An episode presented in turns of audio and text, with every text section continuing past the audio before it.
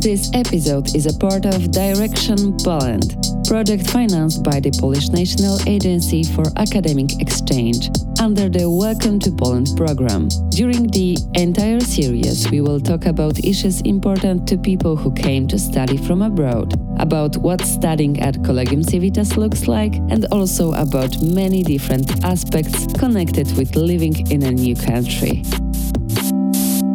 Hi, it's Leżakowanie podcast. My name is Alana Buntia, and I'm going to be your today's host. We will talk about studying in another country, cultural differences and stress of adapting in a new environment. Our today's guest is the intercultural psychologist Elżbieta Kielak. Hello, nice to meet you. Thank you for accepting the invitation to join our podcast, and I'm very excited for the conversation. You're welcome. Probably we should start by explaining exactly what an intercultural psychologist does. Could you please tell us more about your job? Well, yes, an intercultural psychologist may do many things. So I can share what am I doing. Uh, so I work a lot with uh, international groups and international students, and I conduct workshops and uh, training sessions for them on um, how to adapt uh, to another culture, how to adapt here in Poland and in Warsaw. I also work a lot with uh, teachers and academic teachers to help them understand what does it mean to be a foreign student at the university and and try to learn and um, and let's say survive the scholarship or this period of studying abroad. Well, that sounds great. Of course, another great thing is that there are so many different cultures out there, especially in Warsaw, people come to study, but with this multitude of cultures, there are a lot of problems that come together, especially if we change our country of residence and we come to a completely brand new place. Uh, of course, it's a very complicated matter, and it's hard to reduce adaptation to few simple tips and answers. From your experience, could you please tell us what are the most frequent problems you face? Well, uh, of course, intercultural differences are set of challenges. I wouldn't call them problems. Young people go abroad and sometimes, mm-hmm. even though they know that there are some differences, so, but still they are surprised that these differences really occur and really how to say happen to that to them yes? So this is more about being aware of the differences and being aware that if i go somewhere for a longer time not as a tourist right? But but for a longer time so these differences may cause some some challenges and some sometimes stress and sometimes some frustration and and uh, sometimes of course some fun and you know and happiness as well yes? Yes it's always the coin with two sides right? Yes exactly. And uh, so so i think that the first challenge is that we need to be aware that the differences are not only somewhere in the books and you know and somewhere in the research reports but they are like on the streets right? And in the classroom and in the elevator and in the restaurant in the bar and everywhere yes? So this is i think the most uh, the most important thing. And then the second one is that sometimes especially when there are students coming from countries let's say neighboring countries yeah? So i don't know slovakia and czech republic and ukraine sometimes as well and like I, me. Yes uh, or belarus or southern eastern europe. They think oh there are not so big differences so i don't have to think about them. Nothing will you know change and this will be more or less the same as at home. And this is a this is a trap because there are differences. And uh, even though we may think that Poland and Slovakia Poland and Ukraine are more or less culturally the same but still there are some differences yes? And and sometimes it's very tiny things uh, may how to say make us um, frustrated yeah because people don't behave exactly the same. I don't know if this is your experience. It was my experience definitely.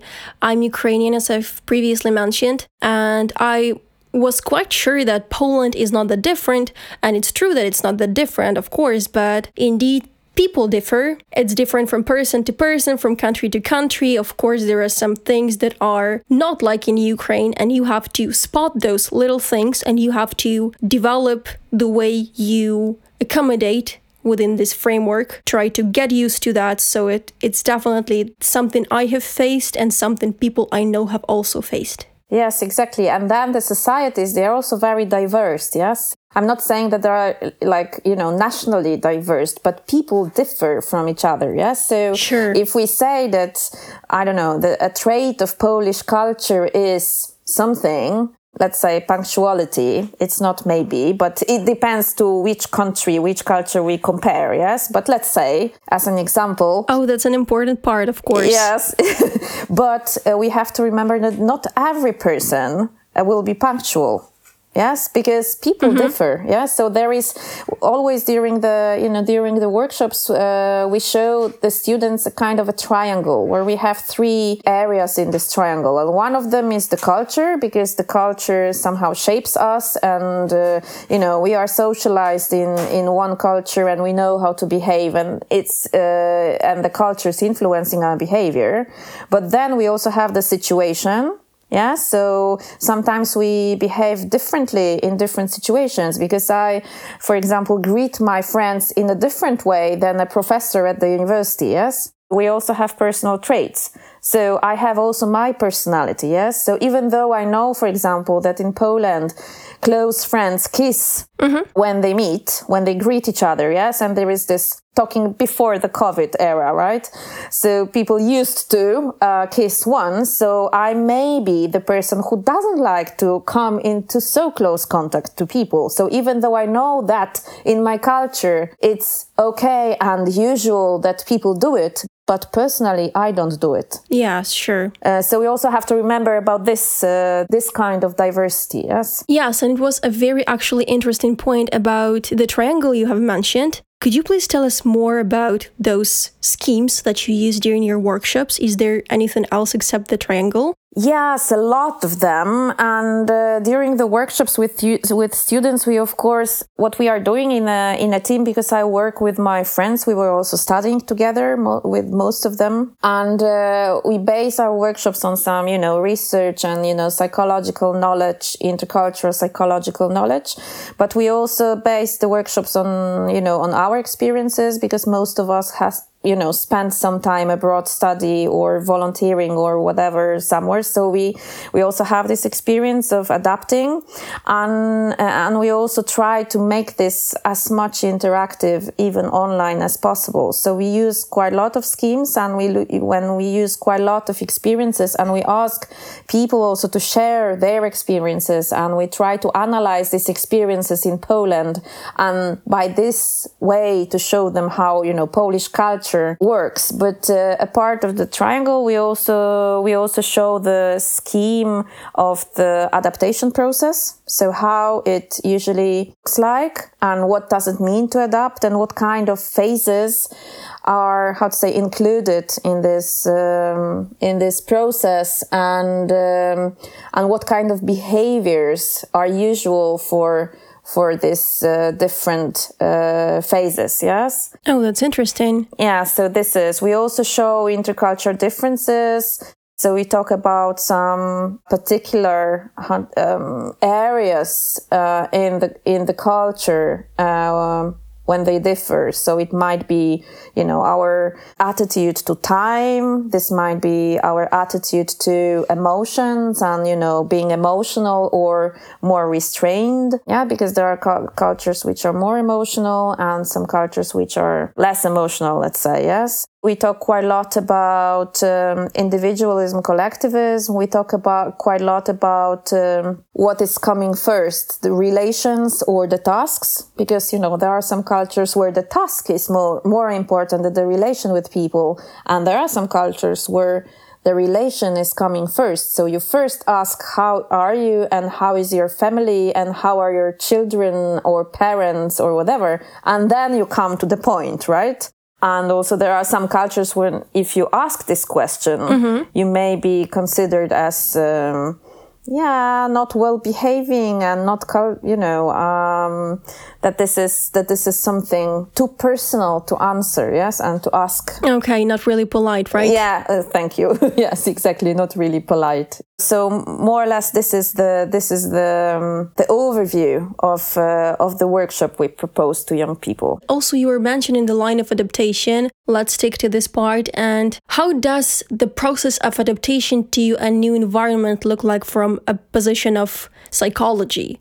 And what can go wrong during this process? Ah, what can go wrong? I uh, there is one point where it may go wrong, but I will come to this. Uh, so the process of adaptation is something very natural, and all people who go abroad for longer time than let's say one month. But sometimes even when you go somewhere for one month, you can uh, you can have this adaptation mm-hmm. issues they have to survive this this process yes? Because uh, and then when people when people uh, choose to go abroad so this is uh, they are not you know no one tells them to go or the situation presses them to go. Uh, they usually start from um, you know a very good mood and the first phase we call honeymoon because of that. Yeah. So this is the. Like in relationships. Yes, exactly. or the marriage, you know, something has changed, mm-hmm. but you, you, you, still don't know what exactly has changed, right? Mm-hmm. And the, you know, first re-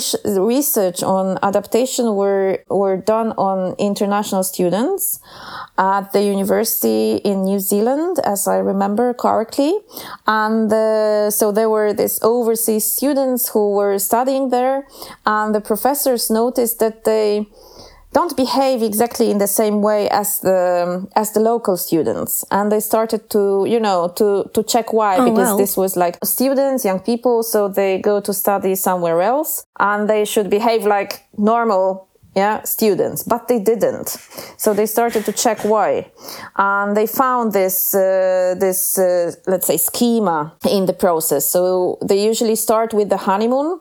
So this you know excitement interest uh, eagerness. I would even say euphoria. Yes euphoria you know of of traveling of meeting people of discovering of learning the language of you know the new city. Very often you know international students erasmus students they come this is their first longer travel abroad and um, from some of the countries when they come they live here for the first time alone without parents. Yes? So this is this is fun right?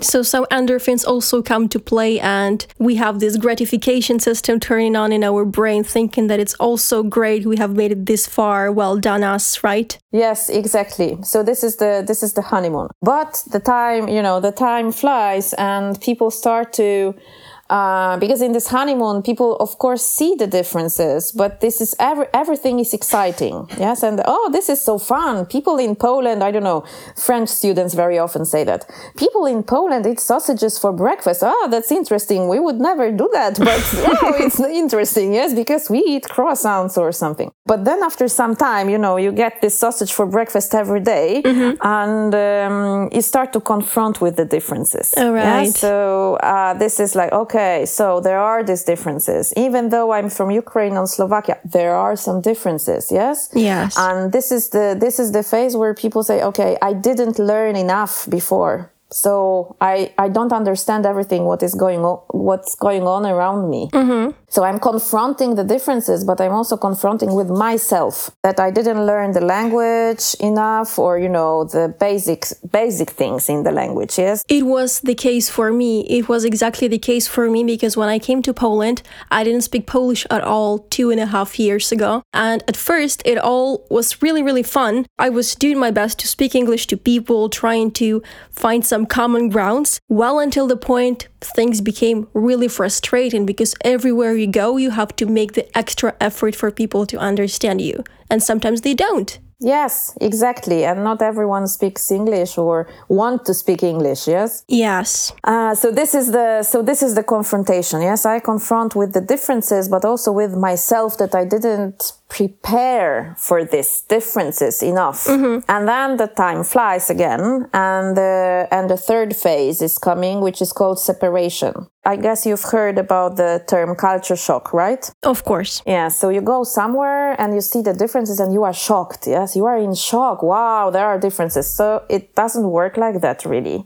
The culture shock comes after some time. That's really true. Yes, it comes after this confrontation. And this is the situation where there are differences and I'm confronting the differences, but this is not ma- myself who I'm confronting with. This is this new culture which is stupid and crazy. And people don't know how to behave and they are impolite and they are mm-hmm. strange and uh, i really don't want to be here. Yes i want to separate and i hate this you know language with all this sh, and you know all the yes all that stuff. Oh lord. This is the moment when to answer your question something may go wrong yes because if we don't know what is going on with us the first thing that is coming to our mind, and I also survived this, is okay, I have to go home. And when people go home in this moment, they very often don't come back. Okay. You know, to the to to, to the place where they were studying or you know uh, doing their uh, volunteer work or project or whatever. Or probably just working. Yes, or just working. Yes, because um, this is hard in this moment we have to undergo this. Yes, we, it's, it's, coming to everyone. Mm-hmm. Sometimes it's more intense, sometimes it's less intense, depends on our experiences, previous experiences, and so on. On the, and this is natural what we say to our students that this is natural, that if something like this happens to you, you hate Poland, you hate Warsaw, you hate this weather, you hate this language, and your only dream is to lie in your flat or dormitory room and watch uh, Netflix in your own language and just, you know, talk on Messenger, whatever, Zoom with your friends there, home. Or maybe eat your mother's hot meals. Exactly, or eat your mother's hot meal or whatever. This is completely natural. Mm-hmm. This is the moment when people also get sick. I mean, with some fevers or something like that. Yes, because psychologically, the our body is under stress mm-hmm. so then we are catching all these viruses from the uh, from the environment yes of course the body is also helping us to stay in this room and watch this netflix and you know talk with people in our own language and so on yes because we have to stay at home mm-hmm. of course now it's a kind of a little bit different because we are more at home because covid and so on and so on but but the pattern is like that yes and probably this is hard to believe and but when i was doing my i was uh, doing my uh, volunteer year in sweden this year will be 20 years ago. Oh wow. And there was no no skype at the moment at that moment you know no zoom. Oh good old days. And no facebook it was really maybe not so good. Maybe not so good because it was really a challenge to get in contact with you know people at home. Mm-hmm. because uh, you know in my flat i didn't have internet yes? And what did you do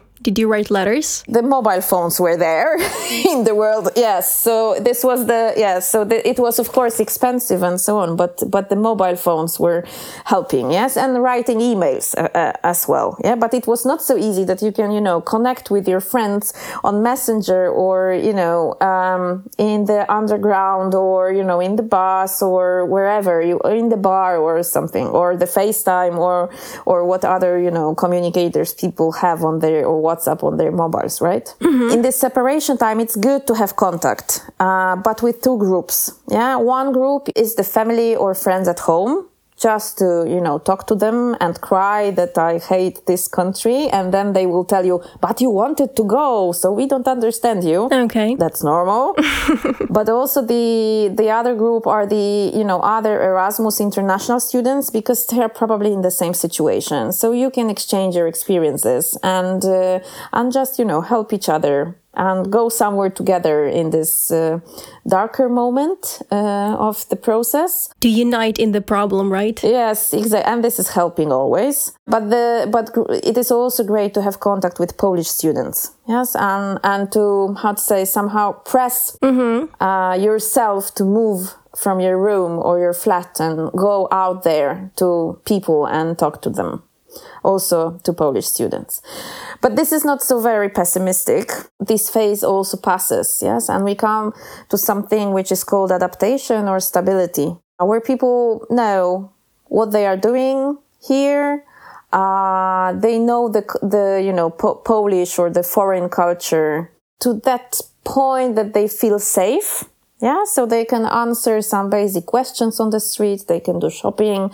They can travel, and that's okay. So the so the the stability phase. This is this is when we start to feel stable. And uh, this is also the best time to invite guests, uh, your friends or parents maybe from your country, because this is the this is the moment when you feel okay. I can show them. Yes, I can explain them some things because I already understand something. Oh, okay. And this is this phase where people try new behaviors. Yes. So when in the, for example, separation phase, the French French students would never try sausage for breakfast. Here they would try yeah?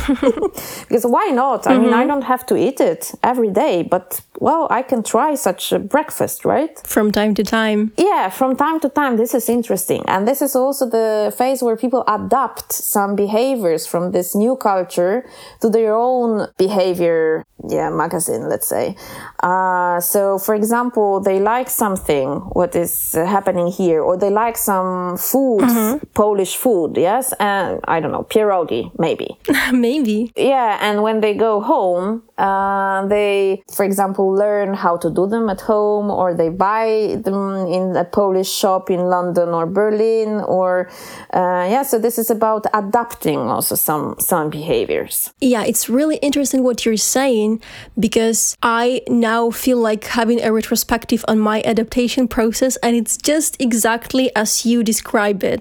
It's very interesting for me to come back to this experience, and uh, as you speak, I just memorize all of the phases, and it was exactly like that because recently, at the beginning of last year, actually, which was not that recently, turns out, I was back home in Ukraine, and you know, I was cooking Polish food because I was missing it so much during the two weeks when I was away. Yes. But before that, of course, I had the time when I was hating the language, hating the people, sometimes, not all the time, fortunately. Uh, when I was unable, for example, to manage my document issues for residency permit, and I was so frustrated, and it wasn't me, exactly. these were the people.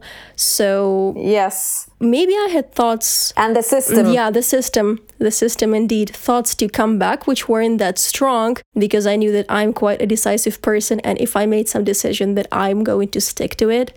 But it's really, really interesting. Uh, another question is what can really, really go wrong in this adaptation process? Can we just go home and never come back, or is there anything else? Yes, we can go home and never come back. We can also stay for the whole time in the honeymoon part. Oh. This, this may be dangerous. I was also working for almost 10 years as Erasmus coordinator at the and at one of the universities in uh, in Warsaw and we had one such student who was in the honeymoon for the whole oh. semester the you know the end of the semester was painful because he couldn't pass any of the exams right? Because he was just partying. To be honest he came back after i think two years for the erasmus internship. So he liked to be here in poland and then the internship went better.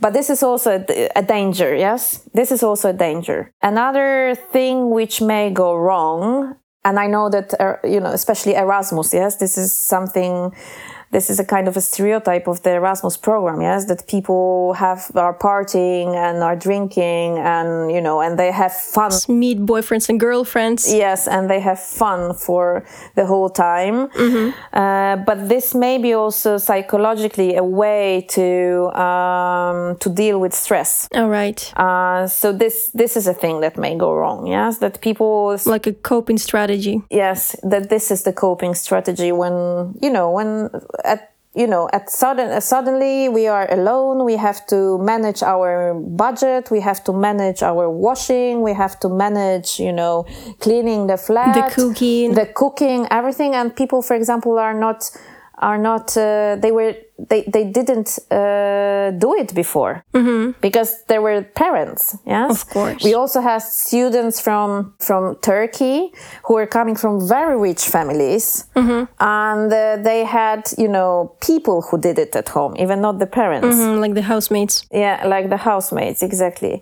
This is also something that may go wrong yeah? That we are somehow shocked that oh okay uh, after one week I'm out of money. and dear parents send me some money yes? Because uh, people you know they don't know how to manage the budget yes? Yes that's a problem for everybody i think. Yeah so so so it's really great when you know the university somehow taking care you know has overview someone at the university what is going on in the international group yes uh, to how uh, to intervene at some point when we see that mm-hmm. you know for example students are coping with uh, with stress and and now for example with i don't know lockdown or something by you know uh, drinking or uh, sleeping only or you know yeah because it can be different it's not that you can party all the time, it's that you can also sleep all the time, which is a problem as well. Yes, exactly. And the students very often they say, well, at home we never party so much. But here, you know, everyone is going for parties. So we also do it, but we are so tired of this partying. But they want to be in the group. Yeah, people want to be in the group and they need the group. So, so they are doing something what the group is doing, but they would probably they would probably not do it at home or maybe not so often. And also, how can we see that somebody is having problems related to adaptation? Are there some symptoms we can notice, some warning signs and red flags? For example, uh, absence when they are not uh, attending classes, when they are not coming mm-hmm. to the international student office. Mm-hmm. When I was working at the university, we, we had this policy of open doors. So international students could always come they were, for example, one, one student was, you know, coming drunk in the middle of the night from some party and, and she left a, a backpack with her documents in the tramway. And I remember, you know, we were going with her to look for this backpack to the police, you know. Oh, wow, what a story. Yeah, everything. Yeah. So to, to have someone who is, um, yeah, who, who, who could see some symptoms. Yes. A mentor system is helping a lot. Yes. I don't know if you have mentor system in Collegium Civitas. Yes, we do. We also have the welcome point for international students. International students are more than welcome. Yes. So, but this is also good that the mentors, for example, they had also some kind of a workshop where where they heard about this, you know, adaptation, and they can and they can see if you know something is going wrong, so they can come to the welcome point and say, "Oh, I think maybe you should talk with you know my student." So this uh, this may um, this might be some uh, symptoms, but absence, first of all. Yeah, when people uh, are not attending the classes and they are not coming to uh, to the university, so this is the this is the first thing. And how can we help such a person, or where such a person can seek help? So I think that the welcome point is the great place. Yes. What is important, people who are working there or volunteering there, that they are aware of some, you know, psychological processes that are happening during, uh, during adaptation and that they are aware of, you know, intercultural differences. And when people come late for the meeting, it doesn't mean that they, you know, that they are rude or something, but maybe they think that time is mm-hmm. a little bit different mm-hmm. than here in Poland or something like that. So, so I think that the idea of creating creating welcome points is the great idea. And uh, and I would strongly recommend to to expand even for some you know to to give the people working there some some training before yes? That they know how to work with the that they know how to work with the differences. I don't know if you if you agree with that with your experiences, but the first thing that is helping is just the conversation yeah yeah. And just the interest. Even if you sometimes if you ask okay would you would you like to talk about something? I can see that maybe something is wrong. Do you need any help? And sometimes people may say no everything is okay. Yes but you know but this this this um, awareness that there is something who someone who noticed something mm-hmm. this is this may already help. Yeah because from my experience when i was having some issues not even related to uh, adaptation new country, for example, some other matters, then until you speak it out, speak it out loud, maybe write it down, it seems to be such a big deal. But when you share it in some shape or form, it's so much easier indeed. Yes exactly. And the diary you mentioned the diary. Also when sometimes when we work with students for the whole semester yes? So we have like i don't know every two weeks three hours mm-hmm. workshop or something like that about adaptation polish culture.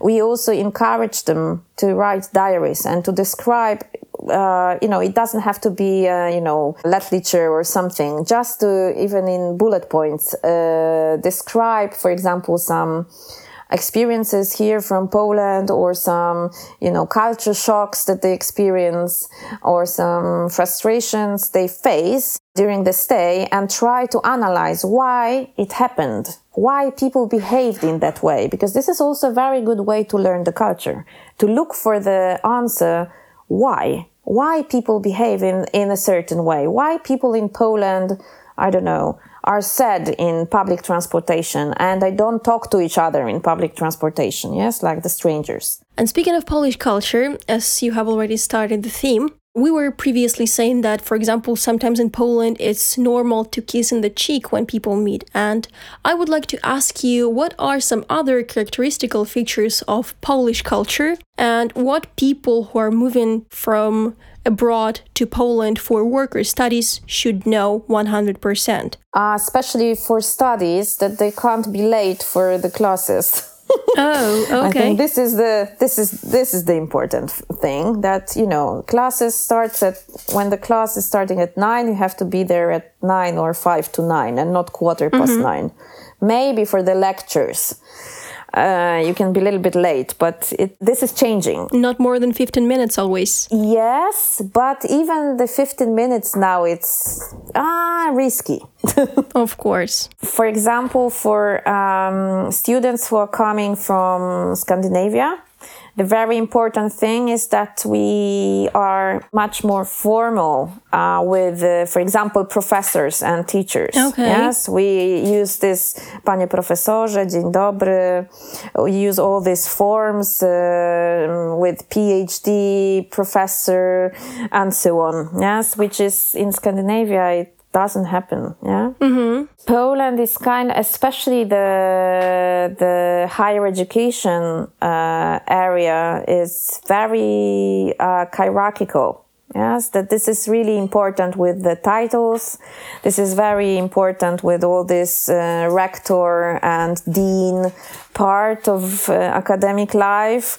Most of the students, especially in you know big public universities, they never see the rector mm-hmm. and rarely the dean.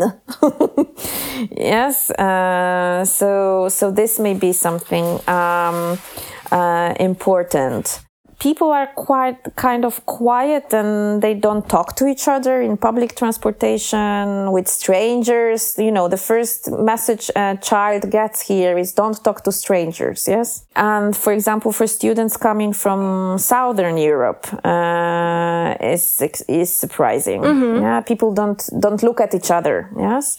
But uh, on the other hand, the you know elderly ladies, and this is the this is um, the information I got from students, are staring very often mm-hmm. when they notice that someone is a foreigner, for example, speaks a different language or looks at the, in a different way uh, they stare in public transportation. Oh. And then uh, it's also important to know that uh, there are some areas in Polish life, not everywhere, not in business now, but in family and it's in this social life where people communicate not always in a direct uh, way. So the situation, I don't know if you had something like that in the bus or in the tram, you sit Yes, and you, for example, read a book, and the tram is, you know, stopping at the tram stop, and the lady, mm-hmm.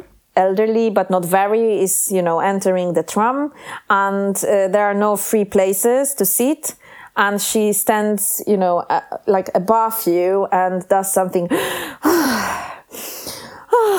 okay, heavily breathing. Yeah. but she she wouldn't. Uh, oh, could you please? I don't know. Uh, could you please give me this seat? Mm-hmm. She would just you know indirect show you that tragically. like. yes, that she's dying now and she needs the seat. Yes, and, okay. and this is very often also happening, you know, in in some, uh, you know, uh, contacts between friends that not everything is said. Mm-hmm. Yeah, directly and that people have some issues with saying no. Yeah.